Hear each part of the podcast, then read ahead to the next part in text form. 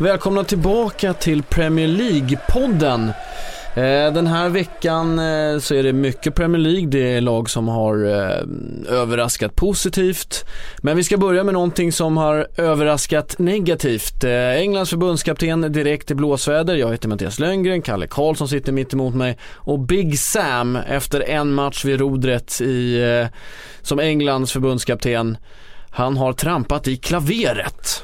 Ja det kan man säga. Eh, när man är förbundskapten i England måste man ju vara på sin vakt. Eh, med vilka man pratar med och vilka man möter och vad man gör. Eh, det här är ingen ny företeelse att reportrar där wallraffar och eh, eh, utger sig för att vara några andra. Svennis åkte ju på den här eh, behandlingen under sin tid och han eh, sa ju att Michael Owen bara hade gått till Newcastle för pengarna och det var massa sådana där grejer han sa då eh, som såklart var eh, eh, olyckligt för honom. Nu är det Big Sam då som har lurats till att eh, börja prata det här med tredjepartsägande av spelare och eh, han har ju liksom eh, rådgjort med de här, liksom eh, gett de här låtsas eh, affärsmännen från Fjärran Öster eh, råd om hur man ska gå runt reglerna kring det här med att eh, äga fotbollsspelare och eh, ha ekonomiska rättigheter kring deras övergångar och det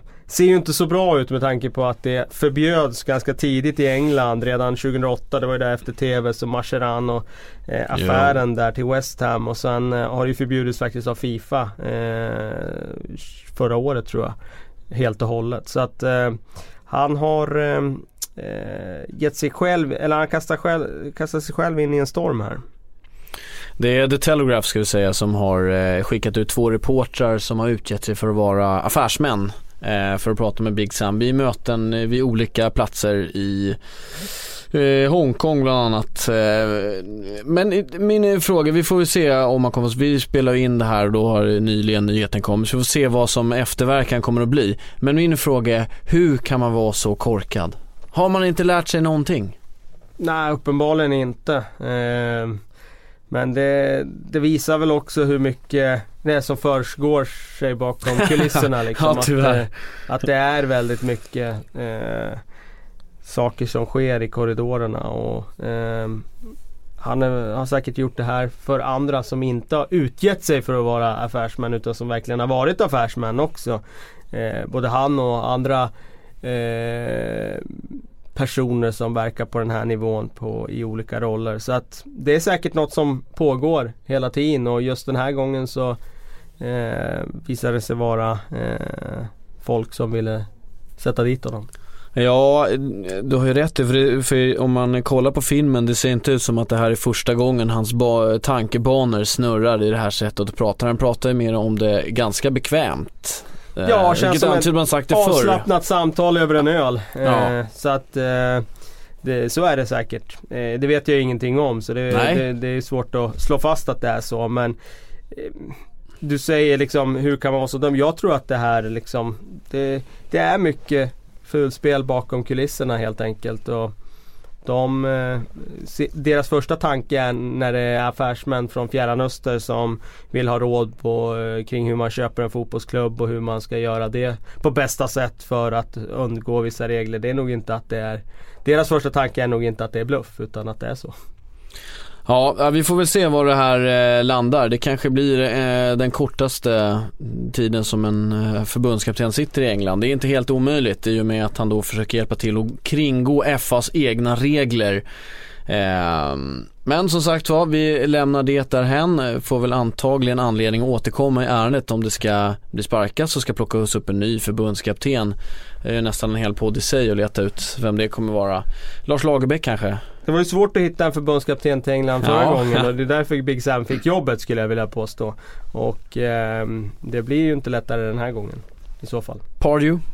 ja, det, det, ja, jag tycker ju verkligen inte att det eh, känns eh, 2016 att utse Nej. honom till eh, engelsk förbundskapten. Men ja, vem vet. Ja, vi får se. Ska vi eh, istället återgå snarare till, ehm, till, ehm, till Premier League då, där Big Sam har, har lämnat.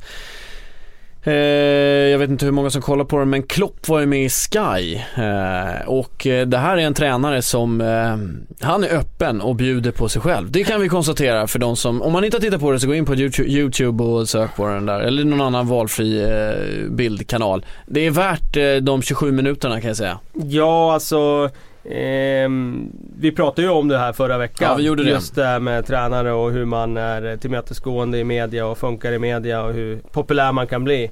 Och det kan man ju säga att eh, hans popularitet igår den steg ju gigantiskt och då ska man veta att han redan var populär i nästan alla läger redan före gårdagens framträdande. Men det som är slående med honom det är ju att han är extremt medievänlig. Att han är extremt eh, villig att eh, eh berätta, bjuda på sig själv, eh, vara den där sköna typen som eh, är väldigt eh, ja, eh, behaglig att lyssna på. Eh, säger saker med glimten i ögat, han skojar, han skämtar. Eh, han känns ju som den där polaren som man går ut och tar en öl med. Till skillnad från eh, Big Sam som man går ut och tar en öl med och snackar business så kan man gå ut och ta en öl eh, och snacka eh, skit en hel kväll tror jag med Jürgen Klopp och man ska ha jävligt kul helt enkelt. Eh, och Själva, jag såg också att det var en massa snack igår på Twitter om och varför han delar med sig av hemligheter och sånt där och det Mm. var ju eh, Men hemligheter och hemligheter. Ja det var ju det som var grejen att det är ju absolut inga hemligheter av det han sa. Det är, det är ingenting av det han sa som inte var känt sedan tidigare. Men det är alltid intressant att höra just den där stora tränaren prata om sina tankebanor kring olika saker. Eh, allt det där han sa har vi ju sett och det var ju grundläggande. Men det blir väldigt intressant när han sätter ord på, sina egna ord på hur han tänker. Och bara just det där att gegenpressing är eh, den bästa playmakern man kan ha. Det är ju eh, det är ett intressant tankesätt måste jag säga. Och det, det tror jag många liksom kan ta inspiration av. Ja, det man kan säga i, om vi pratar om hans popularitet efter det här är att eh, den har ju ökat i eh, nästan alla andra fansläger utom just Liverpool, som där många var just inne på det att det, det låter som att han avslöjar hemligheter som Liverpool ska använda. Ja men då, alltså då tycker jag att då är man ju, då är man inte så insatt. För att det han berättade där det är ingenting som är något revolutionerande ens om du går ner på division 3 nivå i Sverige liksom. Det, det är inget speciellt så. Utan han redogör ju bara för sin filosofi. Om han säger att de anfaller med sju spelare, det är ingenting som en motståndartränare har någon slags eh, nytta av att veta. Det är inget så att det gör det enklare för dem att slå Liverpool med den vetskapen. Så att det viftar jag bort eh, helt och hållet. Utan eh, det Eh, jag tror att han eh, de som förstår bland Liverpool-fansen att han eh, inte, inte gav någonting som eh, missgynnar laget. De eh, tror jag blev ännu mer kära i sin tränare. Jag tyckte det fanns de åsikterna också om man tittade på Twitter igår. Eh, det finns ju en anledning också för Liverpool att vara glada förutom att de har en tränare som är karismatisk och bjuder på sig själv. Liverpool eh, bjuder ju på bra fotboll också. Mycket bra fotboll dessutom. Ja, helt fantastisk insats i helgen här igen får man ju säga. Nu har de några sådana de senaste veckorna och eh, de har ju eh, Dels tycker jag nu fått in spelare där alla förstår sin roll i det här pressspelet och utför det på väldigt bra sätt. Och där är ju en väldigt stor grund till att de vinner tillbaka bollen hela tiden. Eh, nummer två är ju att eh, den där offensiven har ju blivit väldigt intressant när de har fått så mycket kvalitet på så många olika positioner nu. När de har hittat nya roller för Vinaldum till exempel, för Lalana. Eh, när Firmino har varit så bra, när Mané har kommit in med sin spets. Alltså nu har de eh, skulle jag säga en offensiv som kan mäta sig med vilken som helst i ligan. Det är fortfarande det där frågetecken kring lagets defensiv. Och den kommer ju såklart sättas på prov framöver. Samtidigt så har de ju en väldigt bra försvarsstrategi för att överbrygga just de där bristerna. För att de har ju eh, inställningen att de ska döda anfallen, motståndarnas anfall innan de har blivit anfall. Mm. Och det tror jag är helt rätt eh, tankesätt nu för de ska inte är de vid eget straffområde då kan det vara farligt men äh, får de inte komma dit då, då tror jag att eh, liksom, Sätter de det här pressspelet och det funkar, vilket det uppenbarligen gör nu. Det blir jätteintressant att se dem mot bättre motstånd och mm. de kan pressa sönder Manchester United och Manchester City framförallt och så vidare. Eh, då, eh, då blir de riktigt farliga och som vi såg igår på oddsen i England det är ju att de är andrahandsfavorit nu. Så pass mycket har de ju imponerat på spelbolagen uppenbarligen. Det går fort. Ja det går fort i svängarna, verkligen. Efter förlusten mot Burnley då var det nog inte så många som eh, satte dem som andrahandsfavorit men eh, det, just nu blåser det väldigt positiva vindar i Liverpool och, och det är intressant att höra vad Raymond Verheyen säger just här och nu kring eh, Jürgen Klopp som man gärna hugger emot och Liverpool i allmänhet och skadelistan som inte är så stor i synnerhet.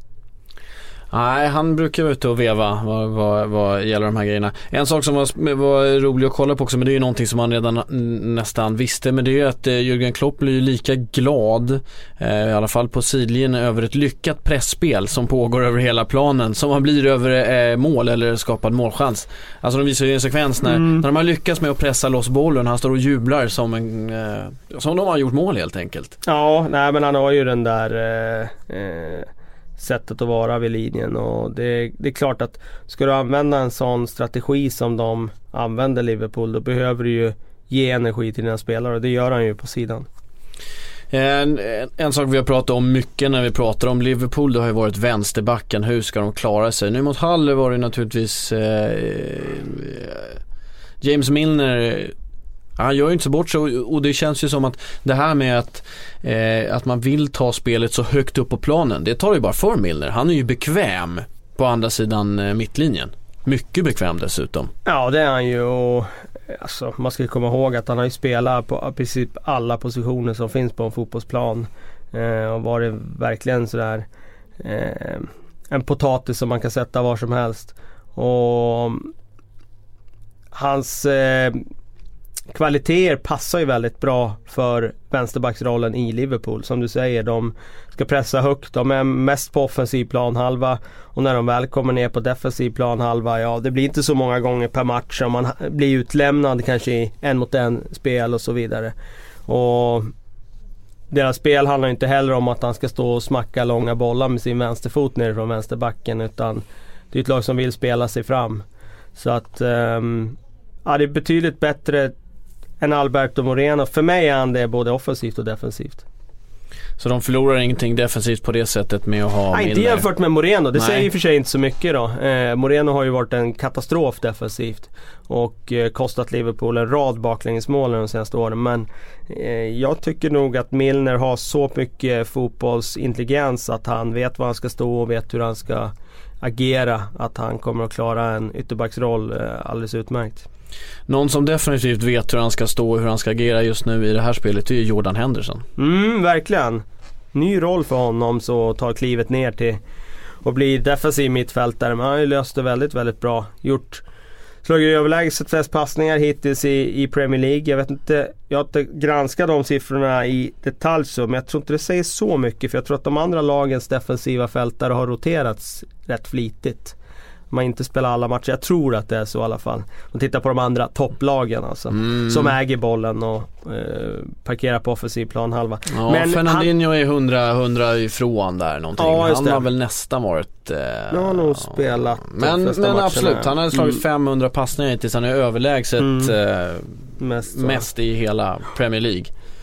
Eh, nej men sen eh, tycker jag att han eh, liksom, han är ju lite äldre nu Henderson. Han börjar liksom ska säga, börjar kunna kalla sig för en rutinerad spelare nu. Eh, och eh, då har man väl kanske den där tendensen att kanske komma ett steg längre tillbaka i plan ju äldre man blir. Och jag kan absolut se framöver här att han är en sexa eh, eh i, ja, framöver här. Sen har ju dessutom eh, ett drömmål från förra, eh, för, förra omgången på kontot så han börjar plocka in sådana plus också för sig själv. Ja, men han, hade ju, han gjorde ju en del mål där. Eh, när han kom fram i Sunderland. Jag för mig att han var bra på att fylla på i andra våg och sådär. Däremot har jag ju aldrig sett han eh, stå och smacka in skott i krysset på det här sättet som han gjorde på Stafford Bridge där tidigare. Men eh, det var uppenbarligen en ny dimension som han lagt till. Ja, jag får en någon flash av att han har pangat in något sånt här riktigt snyggt mål när, när han kom direkt han, till Liverpool absolut, också. han har gjort äh, distansskott förut men just den där bara vända upp Titta och bara... och sikta i princip. Ja. ja men precis och bara prickskjuta in den i krysset med den kvaliteten. Den har jag inte riktigt sett att han har haft tidigare. Vad är det mer som gör att, att Liverpool ser så oerhört starka ut nu? Eh, jag tycker att Matip i försvaret har blivit en väldigt eh, bra injektion. Eh, var lite osäker på honom. Det har jag dock inte sett honom de senaste åren. Så om jag kommer ihåg när han kom fram där i Schalke. Han var väldigt stor talang. Eh, men han eh, har ju både storleken och eh, kvaliteten för att vara en bra fotbollsspelare också. Och det tycker jag har blivit en väldigt, väldigt bra eh, ett bra tillskott i den där försvarslinjen som jag alltid har satt frågetecken för de senaste åren. Det är liksom Jag tycker man är orolig varje gång det är fasta situationer bakåt, det är eh, bollar som kommer in i box bakåt. Det, liksom, det kan alltid släppas in mål i Liverpool från eh, lägen där man absolut inte ska släppa in mål. Och det har min känsla varit eh, ja, de senaste åren egentligen. Sen, sen, sen Sami Hyppies glansdagar höll jag på att säga. inte riktigt så utan sen Jamie Carragers glansdagar kan man väl säga då. Men eh, Matip tycker jag har eh, varit väldigt, väldigt bra. Ja, man, man, vet ju när du kollar på Liverpool så vet du att du kommer få underhållning i alla fall. Ja så är det 0-0 blir det väldigt, väldigt sällan när Liverpool Ja spelar. nej det, så är det ju. Så de, de bjuder ju framåt och eh, eh, Ja de släpper ju även till bakåt om du säger. Det kan ju smälla lite när som helst och det är väl eh, den stora risken. I, i, det risktagandet med den höga pressen är att om ett lag lyckas spela sig förbi den så är det ju ganska Ja då kan det ju vara ganska öppet bakåt och, eh, och andra andra sidan. Eh, men kan, finns det saker att vässa? Finns det mer? Finns det mer att hämta i Liverpool eller är de nu i sin, eh, är de i primen så att säga? Eh, ja alltså de kan inte spela så mycket bättre tror jag än vad de gör nu men den formen de har nu det kan ju vinna dem ligan så att det säger inte så mycket. alltså Eh, Klopp pratade om utveckling i, i igår när han var med i Sky och det är klart att han måste göra det. Alltså du kan ju aldrig eh, liksom ha som ambition att stå still någon gång. Men eh, så bra som de är nu, det, det tror jag är någonstans där toppen är. Men vi får se. Det, det kanske finns mer att plocka ut. De ska ju ta sig an eh, Swansea nu, Swansea som inte har något, haft något spe, snällt eh, spelschema. Nej jag läste idag, det var lite överraskande för mig dock att eh, liksom spelbolagen hade eh, chocksänkt oddsen på att Gudelin får, får sparken nu redan. Och, eh, sett till resultaten, ingen liksom överraskning så men eh, att det kommer så pass tidigt för de förlängde ändå med honom och liksom gav han mandat att fortsätta bygga på det här laget. Så att, jag tycker ju att 6-7 omgångar det, det är alldeles för kort och jag hoppas verkligen inte han får sparken.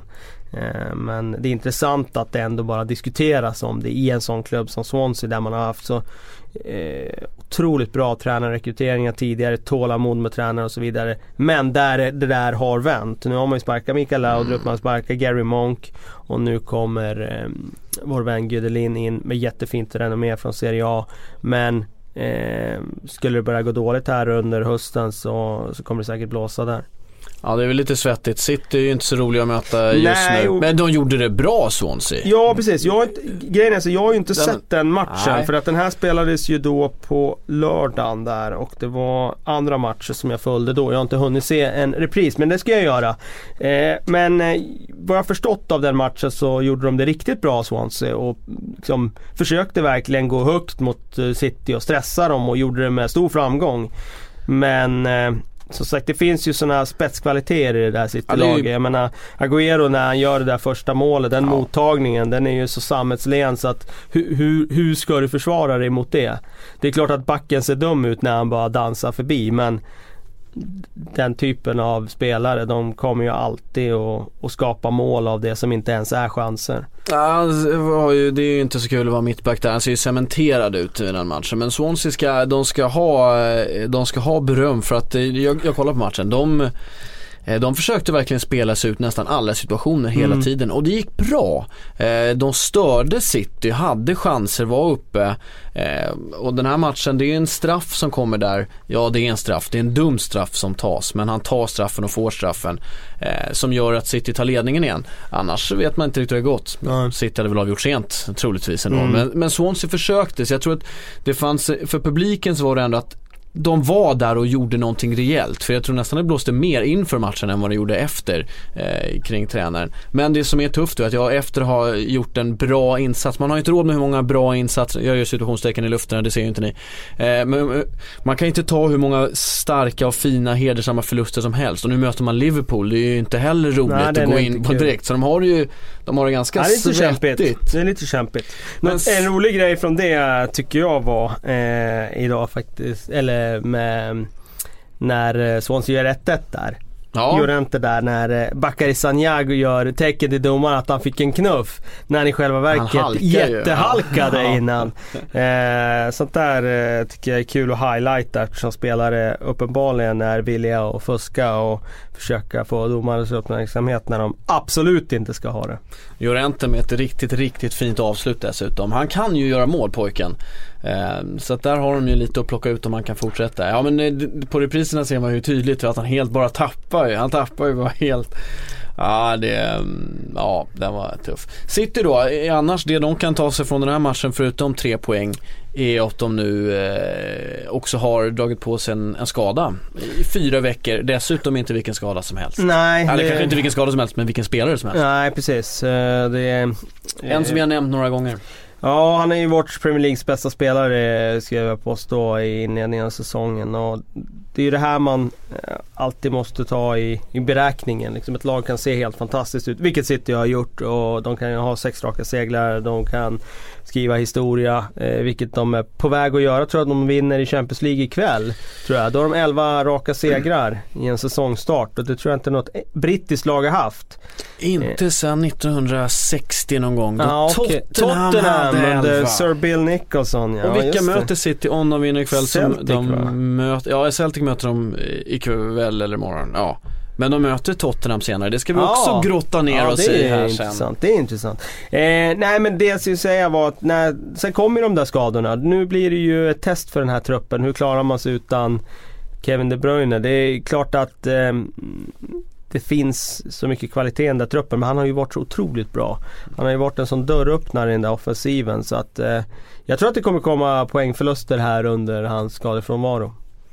Fyra veckor, det är ganska länge också. Det blir ju några omgångar. Nu är det väl ett landslagsuppehåll Det kommer ett landslagsuppehåll i oktober så där är det, det var ju praktiskt. Bra eh, andningshål där då för, för De Bruyne om inte annat. Hur ska man göra då? Hur ska City tänka? Tror du eh, Pep är alldeles för hur mycket stoppar det här Pep? Inte så mycket tänker jag, han kör väl bara på? Ja, alltså han kör ju på men det är klart det kommer bli svårare utan en så bra liksom, och viktig spelare. Det är klart att det kommer komma in någon annan där som får ungefär samma arbetsbeskrivning. Jag menar Silva har ju en av rollerna. Du har Gündogan som du kan ha där. Det är inga dåliga spelare som kommer in men De Bruyne har ju eh, enligt mitt tycke varit ligans allra bästa nu och det, det kommer bli kännbart, det tror jag.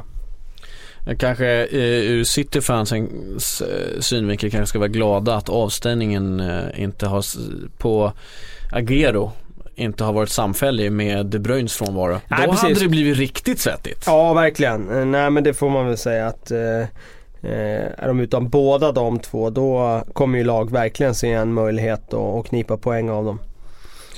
Eh, Kolarov, eh, som jag ser som en spelare som också har tagit kliv nu under Pep. Han, han, eh, vi pratade nyss om den här passningsfrekvensen, han ligger på topp 10 mm. i passningsspel, i mängd passningar. Eh, mycket han fick gå in som mittback här en gång. Då var han, han var riktigt dominant i den matchen ja. passningsmässigt. jag tycker det är superhäftigt med, eh, man tittar på det Guardiola har gjort i City. Eh, och Kolarov är ju ett bra exempel för jag menar vi har alltid sett han som en vänsterback som flyger upp och ner längs kanten och bra offensiv, fantastiskt distansskott, bra inlägg. Eh, gör mycket poäng på en säsong för han kan både dra dit frisparkar och han kan eh, slå in de där avgörande inspelen. Men att han liksom skulle bli omskolad till mittback, stå där nere och liksom vinna nickdueller och ta dueller och eh, styra spelet från en sån position. Det är ju ingenting som man eh, har sett i kikarsiktet. Eh, jag tycker det är så häftigt med man kan tycka vad man vill om Guardiola men det är ändå häftigt att liksom han kommer in och bara ruskar om i en, i en klubb och sen är Kolarov mittback plötsligt och sen gör han det så bra som han gör det. Och, eh, det alltså, blir ju superhäftigt här om, om City klarar att spela på det här sättet mot de allra bästa lagen. Eh, och även de lagen ute i Europa. Det, vore, det blir ju otroligt intressant att se. Ja, jag kollar eh, det var mot Bournemouth här som han fick eh, hoppa in som mittback och han straffar ju dem de satte ju ingen press på honom alls och han straffade dem stenhårt med, med väldigt precisa bollar hela tiden. Nästan, ska jag säga nästan så bra så att det kändes som att, eh, att han borde spela där mer permanent. Men... Det passar ju också väldigt bra. Det är tänkt på just det här med City. Man tänker John Stones och det här. Och jag sa ju det när det blev det där eh, John Stones till City, Ashley Williams till Everton. Att det kommer gynna spelarna och det kommer gynna båda klubbarna. För att Ashley Williams är bättre än John Stones i Everton. Och John Stones är ju eh, en fantastisk försvarare i Manchester City. För att där kommer han få spela sitt spel och det är ju så det har blivit. Och det är samma sak med Kolarov när han kommer in som mittback så han får ju använda sin snabbhet när de står med sin höga linje i defensiven och där blir han ju väldigt effektiv. Det blir lite som Mascherano. Han är inte störst men Nej. när bollen kommer in bakom honom så är han ju snabbast på att hinna upp den bollen. Så att um, det känns som Pep använder verkligen spelarna till det till eh, ja, det de är bäst på. Det kommer lite frågor på Twitter här eh, angående Manchester City också. Har de eh, egentligen verkligen testats under Premier League-inledningen? Det är ju Manchester United då som, man, som har varit kanske den enda storklubben de har mött. Annars har det ju inte varit någonting som har, framförallt inte någonting som ligger högt upp. Alla andra Nej. ligger långt ner. Ja.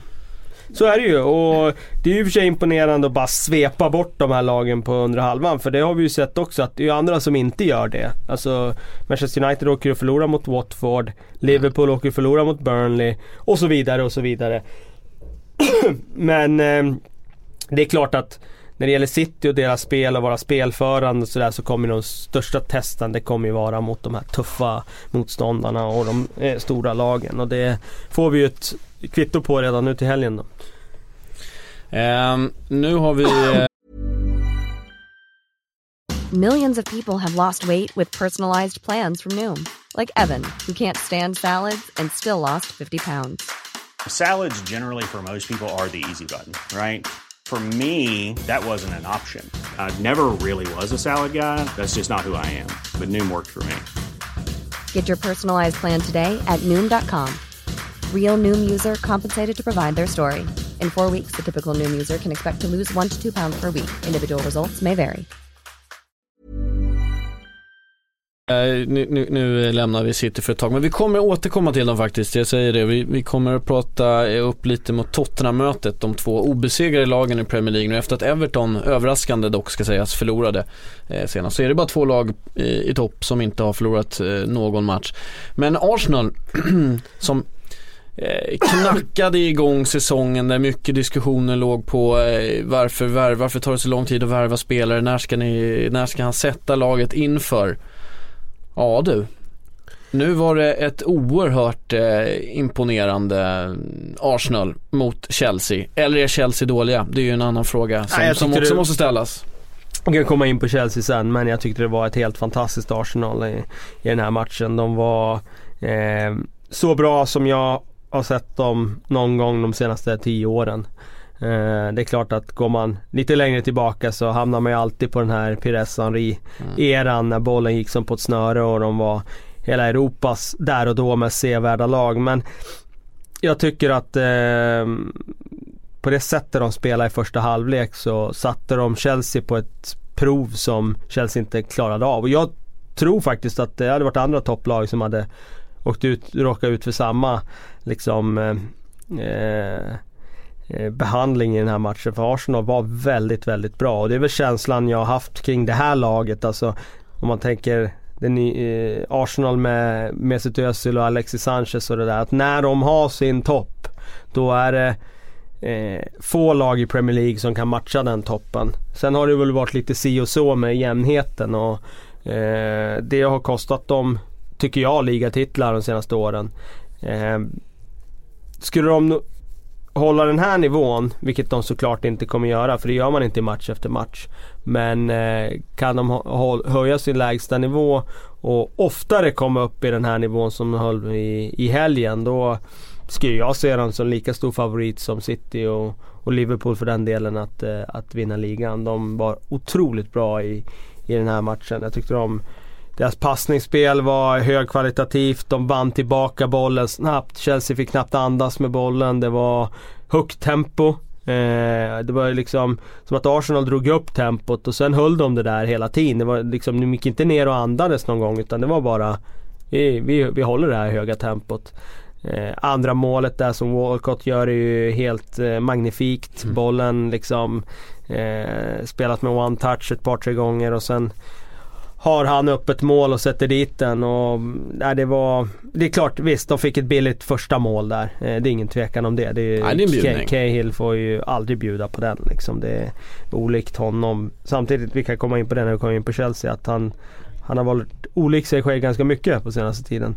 Men eh, på det hela taget var ju Arsenal eh, ett par nummer större än Chelsea. Jag tycker också att de var starkare än vad Chelsea var. De såg ut att ha mer kräm i benen, de vann duellerna, de eh, var tuffare helt enkelt. Och det är ju inte det vi har vant oss vid i det här mötet. Då har ju Arsenal sett ut som pojkar som möter män och Chelsea har gått därifrån med alla poäng varje gång.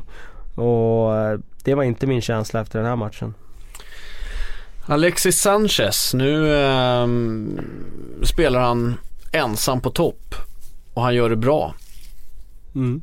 Vad är det som gör att han lyckas? Eh, nu, kommer ju, nu börjar målen också, eller börjar, han har gjort mål tidigare, absolut. Men nu får han med sig hela laget och de, de gör mål och han gör assist. Ja, men jag tror att det är mycket att laget runt omkring fungerar så pass bra eh, också. De har ju fått någon stadga på defensivt mittfält nu med Coquelin och när han går avskadad ja men då kommer Granit Xhaka in och fyller den rollen. Eh, det finns fart på kanterna i, i Walcott nu som är väldigt formstark. I Våby som också är eh, både klok och snabb. Eh, att han behöver inte bara gå i djupet. Nu kan han hitta rätt i den där rollen som falsk nia. Han kan droppa ibland och vara med och spela lite kortpassningar med Özil. Han kan gå iväg djupled och dyka upp i straffområdet och sådär. Och det, det räcker inte med att bara han gör den rollen utan alla runt omkring måste ju göra så att han kan ta den rollen. Och det tycker jag nog att pusslet har blivit så pass komplett nu så att det, det passar att ha han i den där falsk nia-rollen när det finns så mycket fart runt omkring han. Eh, om man gör några jämförelser med Suarez, är det rätt eller fel? Nej, det finns ju en jämförelse att dra, absolut. Sen tycker jag väl Suarez är ju mer av en striker, mer av en eh, boxspelare som eh, kan avsluta på alla sätt och på eh, lite mer skyttekungsmaterial än vad Alexis Sanchez är. Men Alexis Sanchez är ju en fantastisk universalspelare som kan spela i, i många positioner och när han är hel och, och i form så har han ju få övermän i Premier League. Han har otrolig spelförståelse. Han, han kan fotboll. Eh, Coquelin skadad. Mm, och då var det ju bra att man gjorde en värvning som man gjorde på Xhaka som ju har sett väldigt bra ut vid sina inhopp också. Ja, jag tycker att han är strået vassare än Coquelin. Sen är de ju två olika spelartyper för Coquelin är ju helt igenom defensiv spelare. Och det kommer finnas matcher där han passar bättre. Det kommer finnas matcher där Granit Xhaka passar bättre. Och så kommer det finnas matcher där, de, där det passar båda två på plan också tror jag. Eh, inte minst ute i Europa. Och, eh, det blir ingen försämring nu när Granit Xhaka kommer in. Det är ju en klar förändring från tidigare år här när, när Arsenal inte haft lika bra täckning på den positionen. Vi har ju pratat om det här med distansskyttar. Eh, Redan när vi gjorde det så hade ju faktiskt eh, Xhaka visat att han, han kan minsann nypa iväg bollen ganska bra. Ja, han eh, har ju levererat två distansmål här nu och nu skriker de ju shoot så få- fort han får bollen Ja, på offensiv planhalva eller på egen planhalva till och med. Eh, han eh, behöver väl göra ett par tre till sådana här distansmål innan han går in på en topplista men han är på väg eh, uppåt i rasande fart på den där listan. Ja, bra rena träffar också Ja, när han får till den. Bollen verkligen. ligger helt still i luften. Här. Det, sen man kan läsa vad det står på bollen. Ja, i princip. Mm.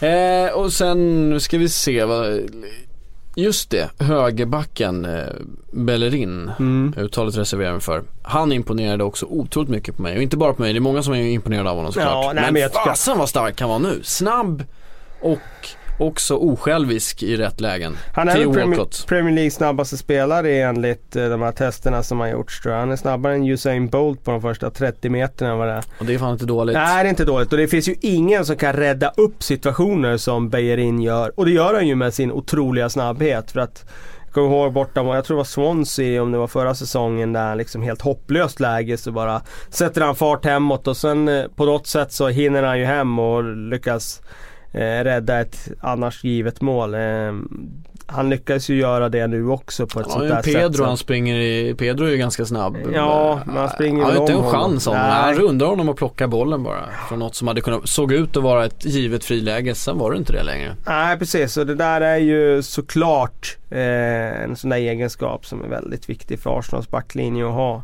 Ha honom som de vet kan rädda upp Eh, situationer. Men också i hans eget en mot en spel att man är väldigt svårpasserad när man har den här snabbheten. Och man kan eh, komma tillbaka, även om man blir bortgjord en gång så kan man komma tillbaka på ett sätt som andra backar inte kan göra. Korselny eh, visade hur bra han var. Han och Mustafa, jag vet inte hur många misstag de gjorde i matchen. Kanske ett. Ja just här vid Pedro-tillfället då så har de en liten misskommunikation. Men annars var det inte många missar. Tar ju hand om Diego Costa som jag pratat om som ju är en otroligt jobbig motståndare att Ja, möta. jag Men tyckte han, stänger bör- ner dem nästan helt. Ja, jag tyckte Costa börjar matchen bra och pick där. Kommer förbi på högerkanten någon gång och får en frispark när Koscielny måste dra ner han där. Mm. Eh, och så vidare. Men eh, sen hade de ju honom under bra kontroll. Eh, och som du säger, det här var en väldigt bra insats av det mittbacksparet. Jag tror att de kan utveckla ett väldigt bra, bra samarbete så, det tror jag. Eh, om vi ska svänga över till pendeln till det andra laget då, som inte har gjort lika bra insatser på sista tiden. Diego Costa, även om han började bra, han är ju väldigt ensam där uppe. Han Ja, får ju verkligen. inga, han får ju göra, Verkligen. det är klart det är inte så kul. Den, just den situationen när det börjar, han får den här frisparken. Han är ju helt själv med, med bara Arsenal-spelare i, i nästan 30 meter. Det är ingen i närheten av dem som kommer dit ens. Nej. Han han är ju tvingad att göra en sån bra, eh, alltså det bästa han kan få ut av situationen är en frispark och han får det. Men han får ju inget stöd sen. Nej, eh, det var ett dysfunktionellt Chelsea vi fick se nu i, i den här matchen. De har ju i inledningen av ligan fått med sig resultat genom att de har liksom vridit och vänt fram resultat och med mycket möda. Nu har de kommit in i en period här när det går lite emot och blåser motvind och det blir väldigt intressant att se hur Conte hanterar det och hur han ska eh, ja, få det att vända. Eh, om han tvistar lite grann på sitt system eller vad, vad han gör. Batshuayu har ju inte fått så många chanser att visa upp sig. Han fick hoppa in här nu då men han har ju Känns ju som att han har en start i sig ganska snart. Eh, och då blir det väl ett tvåmannaanfall antar jag för att Diego Costa här och nu är ju given utifrån sina insatser. Det är definitivt. Eh, men man kan ju också eh, ana att det finns, Conte var ju ganska säker på, det fanns en anledning till att han jagade backar under fönstret på slutet. Ja och det sägs ju nu att han ska ha fått pengar av Abramovic efter den här senaste insatsen att handla nya backar. Det snackas om Michael Keane från Burnley som gjorde mål igår. Nickade in 2-0. En väldigt duktig eh, ung mittback som fostrade Manchester United som eh, Eh, var lite rykten om i somras. Då var prislappen på 20 miljoner pund och det kommer inte vara något problem för Chelsea att betala det. Jag tycker Garrett Cahill som annars har varit så otroligt trygg, pålitlig, man vet vad man får. Sällan några misstag, står rätt, gör rätt. Har sett väldigt, väldigt osäker ut i inledningen av den här säsongen. Ja, bollen har en tendens att studsa ifrån honom lite grann och ge den där ja, som nu senast studsar ifrån lite och då så tappar man dessutom, eh, dessutom poäng. Eh, Cesc Fab Fabregas har vi pratat om inför, spelade han bort sig igen från startelvan nu? kommer han in, känns som han kom in efter, i och med inhoppet i, eh, i kuppen när han gör två mål. Um, jag behöver inte säga nödvändigtvis att han var sämst i, i ett svagt Chelsea men han var ju inte någon direkt som hjälpte till heller. Nej, han, jag tyckte han var väldigt anonym i den här matchen och fick inte ut mycket alls. Så att, eh, det var ingen insats som förbättrade hans chanser framöver, det var det ju inte. Eh, en annan spelare många pratar om det är en sekvens där man ser eh, Det är eh, Kanté som blir ikappjagad av domaren eh, i Arsenals 3-0 mål kanske. Nu tappar jag bort vilket mål det är. Vilket är det? Det måste vara kontringen nästan va? För Ja, det här pass, ja, passningsspelet där var det Ja. ingen sån Nej, situation. precis. Så det borde vara det läget. Um, Just ja. det. Ja Det men han är snabb Michael Oliver vet du. Ja, Han ska- har bra, bra... Ska han, Steg, alltså. ska han fortfarande vara snabbare än Kanté i ett läge där eh, det känns som matchen blir punkterad. Den blir ju stängd där. Ja, nej det är klart att det inte ska vara det men eh, man vet aldrig med det där. Det var ju så, det var ju helt sjukt när eh, Sportbladet hade de här zoom-siffrorna förut. Det visade sig att eh, Just så. Eh, var det Peter Fröjdfält som hade gjort den snabbaste löpningen under en allsvensk match. Man blev helt chockad liksom, domaren alltså. Eh, ja, jag vet inte. Man ska väga in i det där. Domarna är uppenbarligen mer eh, atletiska än vi tror. Ja de tränar nog ganska hårt de här. Eh, Ja, det måste de, ska ju göra springa för de ska ju springa över en mil varje match. Ja hur långt springer en domare? Har du koll? Ja, men det är väl en de mil, statistik lite då jag då? tror att det är en mil i alla fall. Ja de som... Så eh, spelarna ungefär skulle jag tro. För de måste Ja, ju måste hela ju, de ska tiden hänga med i vara spelet, vid, ja. ja, måste ju hela tiden vara ner- vid bollen också. Eh, på Twitter, jag tappar namnet, jag ber om ursäkt. Men eh, det har eh, ställts frågor om Courtois. Courtois. Ja. Vill han ens vara i Chelsea? Han ser inte ut att trivas i målet. Nej, alltså eh, han var ju så otroligt bra eh, första säsongen i Chelsea. Och jag håller med frågeställaren där att eh, känslan är ju att han har gått bakåt rätt rejält. Supersäsong i Atletico Madrid där på lån. Och sen tillbaka till Chelsea, fick första spaden där före Peter Cech när han hamnade på bänken där Cech. Och eh, var otroligt bra då första säsongen. Inte lika bra förra säsongen när Chelsea hade problem som lag. Och i år har han inte heller inlett speciellt förtroendeingivande. Eh, så jag är lite oroad där för hans eh, form faktiskt. Längtar han tillbaka till eh, Solen i Spanien? ja, värmen? Ja, det vet vi inte. Vi får frågan om vi får möjlighet. Ja, det, jag tror att det blir svårt. eh, Svårt att få möjlighet Svårt att ställa just den frågan också. Svårt att få ett ärligt svar också. jag kan bli svårt. Det skulle vara väldigt spännande om man fick ett ärligt Ja. svar dock. Eh, Det är väl många intervjuer som skulle bli mycket mer spännande om vi fick ärliga svar. Big Sam idag hade kanske varit kul att ställa frågan rent ut sagt. Ja, det hade, det hade varit Eh, intressant. För att se, se vad han hade sagt. Ett lag som inte springer så mycket, eller inte har sprungit så mycket, det är Manchester United som har legat i botten av den där listan.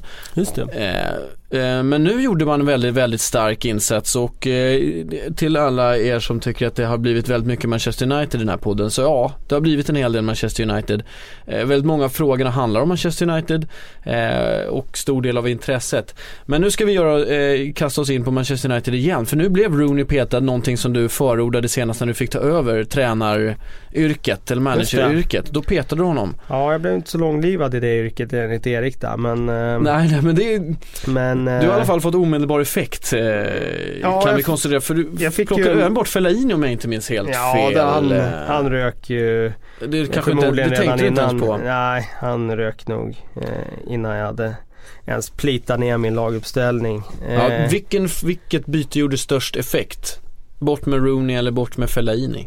Ja, både och tror jag skulle ha... Kombinationen? Ja, eh, sen är det så svårt att säga liksom men jag tycker att eh, det var uppenbart redan från början den här säsongen att de behöver fart där framme. Och fart runt Zlatan det är någonting jag har pratat om till leda. Både inför säsongen och under den här inledningen. Och får man det så då kommer ju Zlatan få utrymme och då kommer ju han kunna eh, ta emot bollar, få vända upp och så vidare. Då vet vi att han är extremt farlig. Eh, jag tycker att eh, Rashford till exempel har ju verkligen visat att han är, för mig, alltså, gjuten i startelvan här och nu. För att han har de egenskaperna. Han har den där farten, han har den där löpvilligheten som skapar utrymme för dem runt omkring. Sen var det ju intressant med Paul Pogba som vi har sågat här. och Eh, jag måste ju ändå säga att eh, kritiken mot han har ju varit rättmätig. Det är ju ingen 19-åring vi pratar om här som kommer in och är eh, liksom grön i den här ligan. Utan det är en världsstjärna som har värvats för en liksom, världsrekordsumma. Och vissa matcher har han varit väldigt svag. Eh, inte minst derbyt där han eh, i den taktiska delen liksom helt fallerar.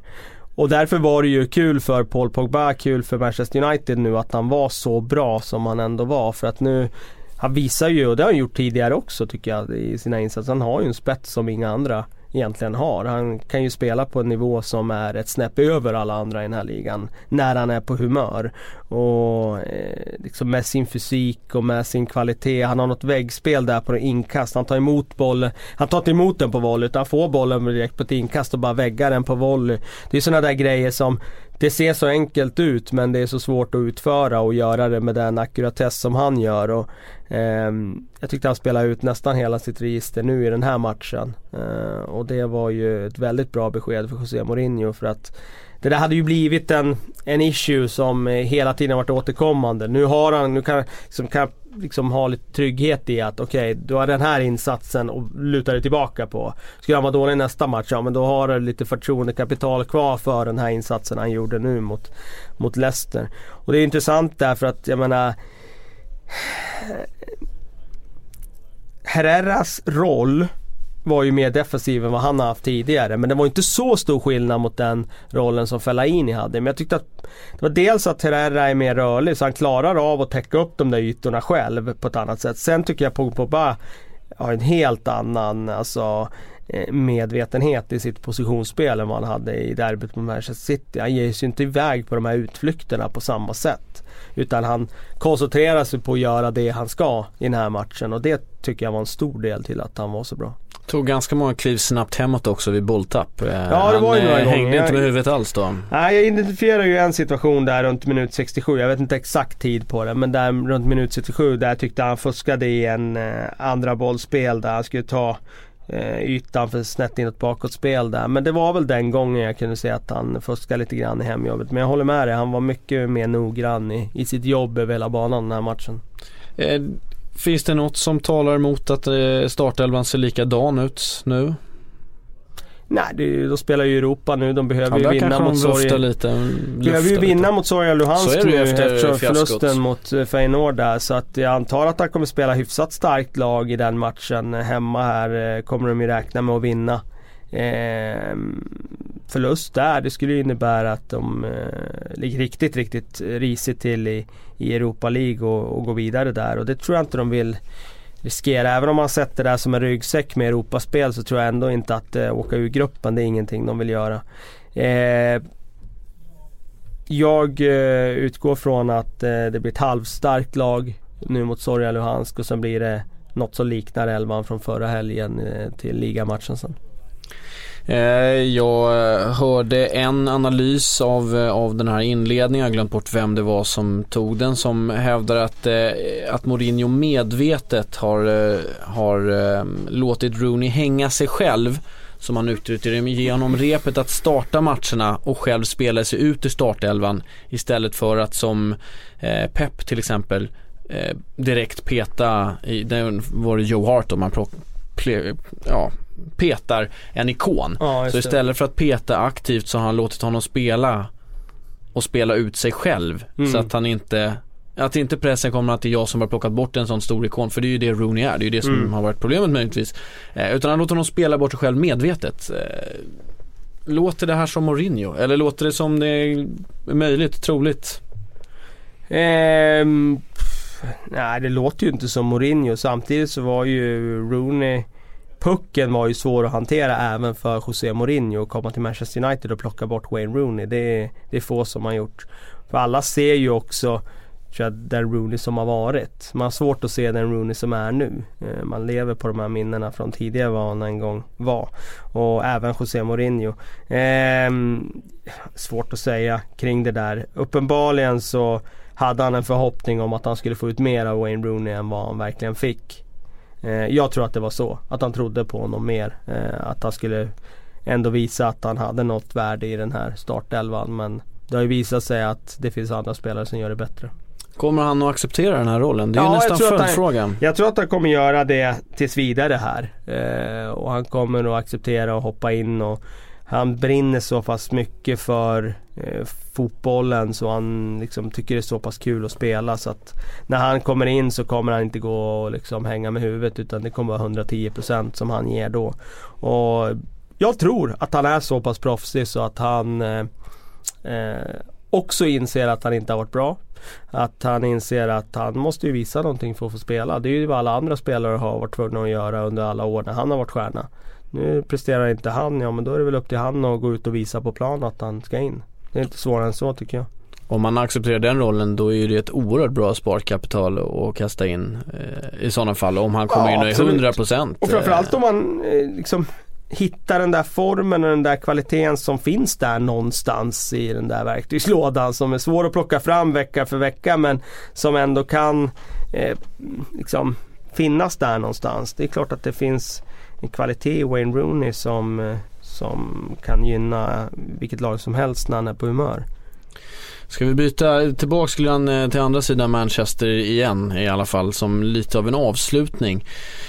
Det är två obesegrade lag i, eh, i Premier League och de möts nu. Manchester City mot Tottenham och då är, kommer väl lite svar att komma förhoppningsvis. Tottenham som då ska ja du eh, har ju flaggat för vilken spelare som naturligtvis skulle komma in och börja leverera. Ja det var ju Eh, sjukt där med Jong Min Son där som, Ja, som såklart skulle in och göra mål och bytte jag in honom själv i Premier Manager? Nej, det Nej gjorde det gjorde jag ju inte. Och det var ju ja, eh, två mål senare. riktigt rookie mistake av mig förra veckan där. Det var... Eh, det kostar ju pengar att byta spelare. Det var, ju, det var ju därför jag inte bytte honom såklart. Men det var ju ändå idiotiskt att eh, flagga upp honom så som jag gjorde och sen inte byta in honom själv och så gör han två mål. Men eh, hur som helst, det är kul med Son. Jag gillar eh, den spelaren. Eh, Tyckte han var en riktig frejdig eh, offensiv pjäs i starten och inledningen där av förra säsongen. Men Eh, hamnade på bänken, hade svårt att etablera sig i startelvan efter det. Nu har han fått chansen i och med skadan här på Kane och eh, de, liksom,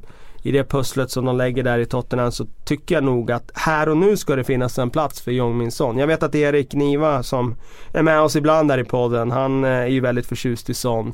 Eh, och eh, han har väl sagt här någon gång att han, han gärna ser Son mer än Lamela i startelvan. Men eh, jag, jag håller med. Jag tycker att han är en, eh, en lojal, eh, härlig spelartyp. Eh, och, och eh, nu har vi då målsprutande City mot eh, målsnål, eller insläppt i alla fall bäst defensivt Tottenham. Eh, Mm. Det här kommer då bli testet. Det blir det här För riktigt, båda. För båda såklart. Ja det, det blir det ju. Eh, det blir ju oerhört intressant att se City tycker jag just testas. Tottenham vet vi ju lite mer vad vi har eftersom det är inte så mycket nytt från i fjol. Tycker jag. Eh, det är ungefär som i fjol känns det som. Eh, och det är klart att Kane-skadan eh, är ju ett hårt slag för Tottenham såklart. Eh, det är ju Ja, eh, den spelaren som kanske inte får gå sönder i den där elvan. Visst har ju Jansen kom han in var inte så men- bra nu. Nej och det är inte Harry Kane som kommer in då. Det är liksom, han är ju så pass viktig för sitt Spurs. Ehm, så ja, ehm, känslan är väl att eh, det var synd att, att de kommer lite stukade till den här matchen. Det var kul att se de här lagen mötas med sina starkaste elvor. Nu är det ju De Bruyne borta, det är Kane borta, det är väl båda lagen har sin bästa spelare borta. Ja det är ju tacksamt att båda har i alla fall Ja. om vi ska hitta något positivt. Men Vincent Jansen han måste jobba en del i sitt positionsspel. Han var, Ja, alltså- han var ju inte rätt eh, många gånger. Nej, alltså jag, jag, jag har sett honom lite för lite. Jag har bara sett han någon match den här säsongen hittills och så. Och, eh, eh, jag tycker vi ska ge honom lite mer tid att komma in i det. Eh, ny Han vill väl väldigt Ny mycket liga, också. ny omgivning, vill mycket. Vi får ge honom fram till, eh, ja, senare här innan vi dömer han för hårt. Ja, jag, jag, kan ändå döma efter den senaste matchen och där var det inte tillräckligt bra. Det får man, kan ju, man kan ju kritisera den enskilda insatsen. Det Ja. kan man göra, absolut. Precis som vi har gjort med Pogba och andra spelare. Det kan man göra. Eh, så att eh, han behöver visa mer. Vad tror du kommer hända? Hur kommer den här matchen att bli nu då när vi eh, ändå noterar att det inte är eh, hundraprocentiga startuppställningar? Kommer det fortfarande bli eh, City med stort bollinnehav och eh, rulla vidare? Eh, eh, ja, det, det tror jag. Det tror jag. Jag tror att eh, Manchester City är ett sånt lag i år i Premier League som kommer att ha bollen och motståndarna kommer anpassa sig lite efter City i varje match. Och det blir väldigt intressant med Tottenham och deras pressspel och se hur, hur City hanterar det. Det blir oerhört intressant. Det blir en söndag där man kommer sitta bänkad i eh, fåtöljen och eh, verkligen eh, se fram emot det här mötet. Ja, vi får hoppas. Det är ju inte alltid så att toppmöten lever upp till förväntningarna. Eh, dessvärre, när man möter Nej, men samtidigt tycker jag nog i Premier League så tycker jag ofta ändå att eh, matcherna har högt tempo och underhållningsvärde. Det är inte alltid högkvalitativt, men det är underhållande. Eh, och det är därför Premier League är vad den är. Den största ligan. Eh, ja, den mest populära ligan i världen. Det, det är den för att det alltid är, eller alltid ska jag inte säga, men väldigt ofta är det underhållande att se matcherna. Sen eh, är det inte alltid så hög kvalitet och det är den första att understryka. Eh, med det så stänger vi den här podden och vi kan konstatera att det kommer inga nya nyheter om, om Big Sam medan vi spelade in. Nej, det som kommer väl alldeles nå- strax här. Ja, det kommer väl smälla nu så att vår inledning foten. var som den var. Eh, men eh, vi kommer säkert få anledning att återkomma i, i den eh, frågan senare.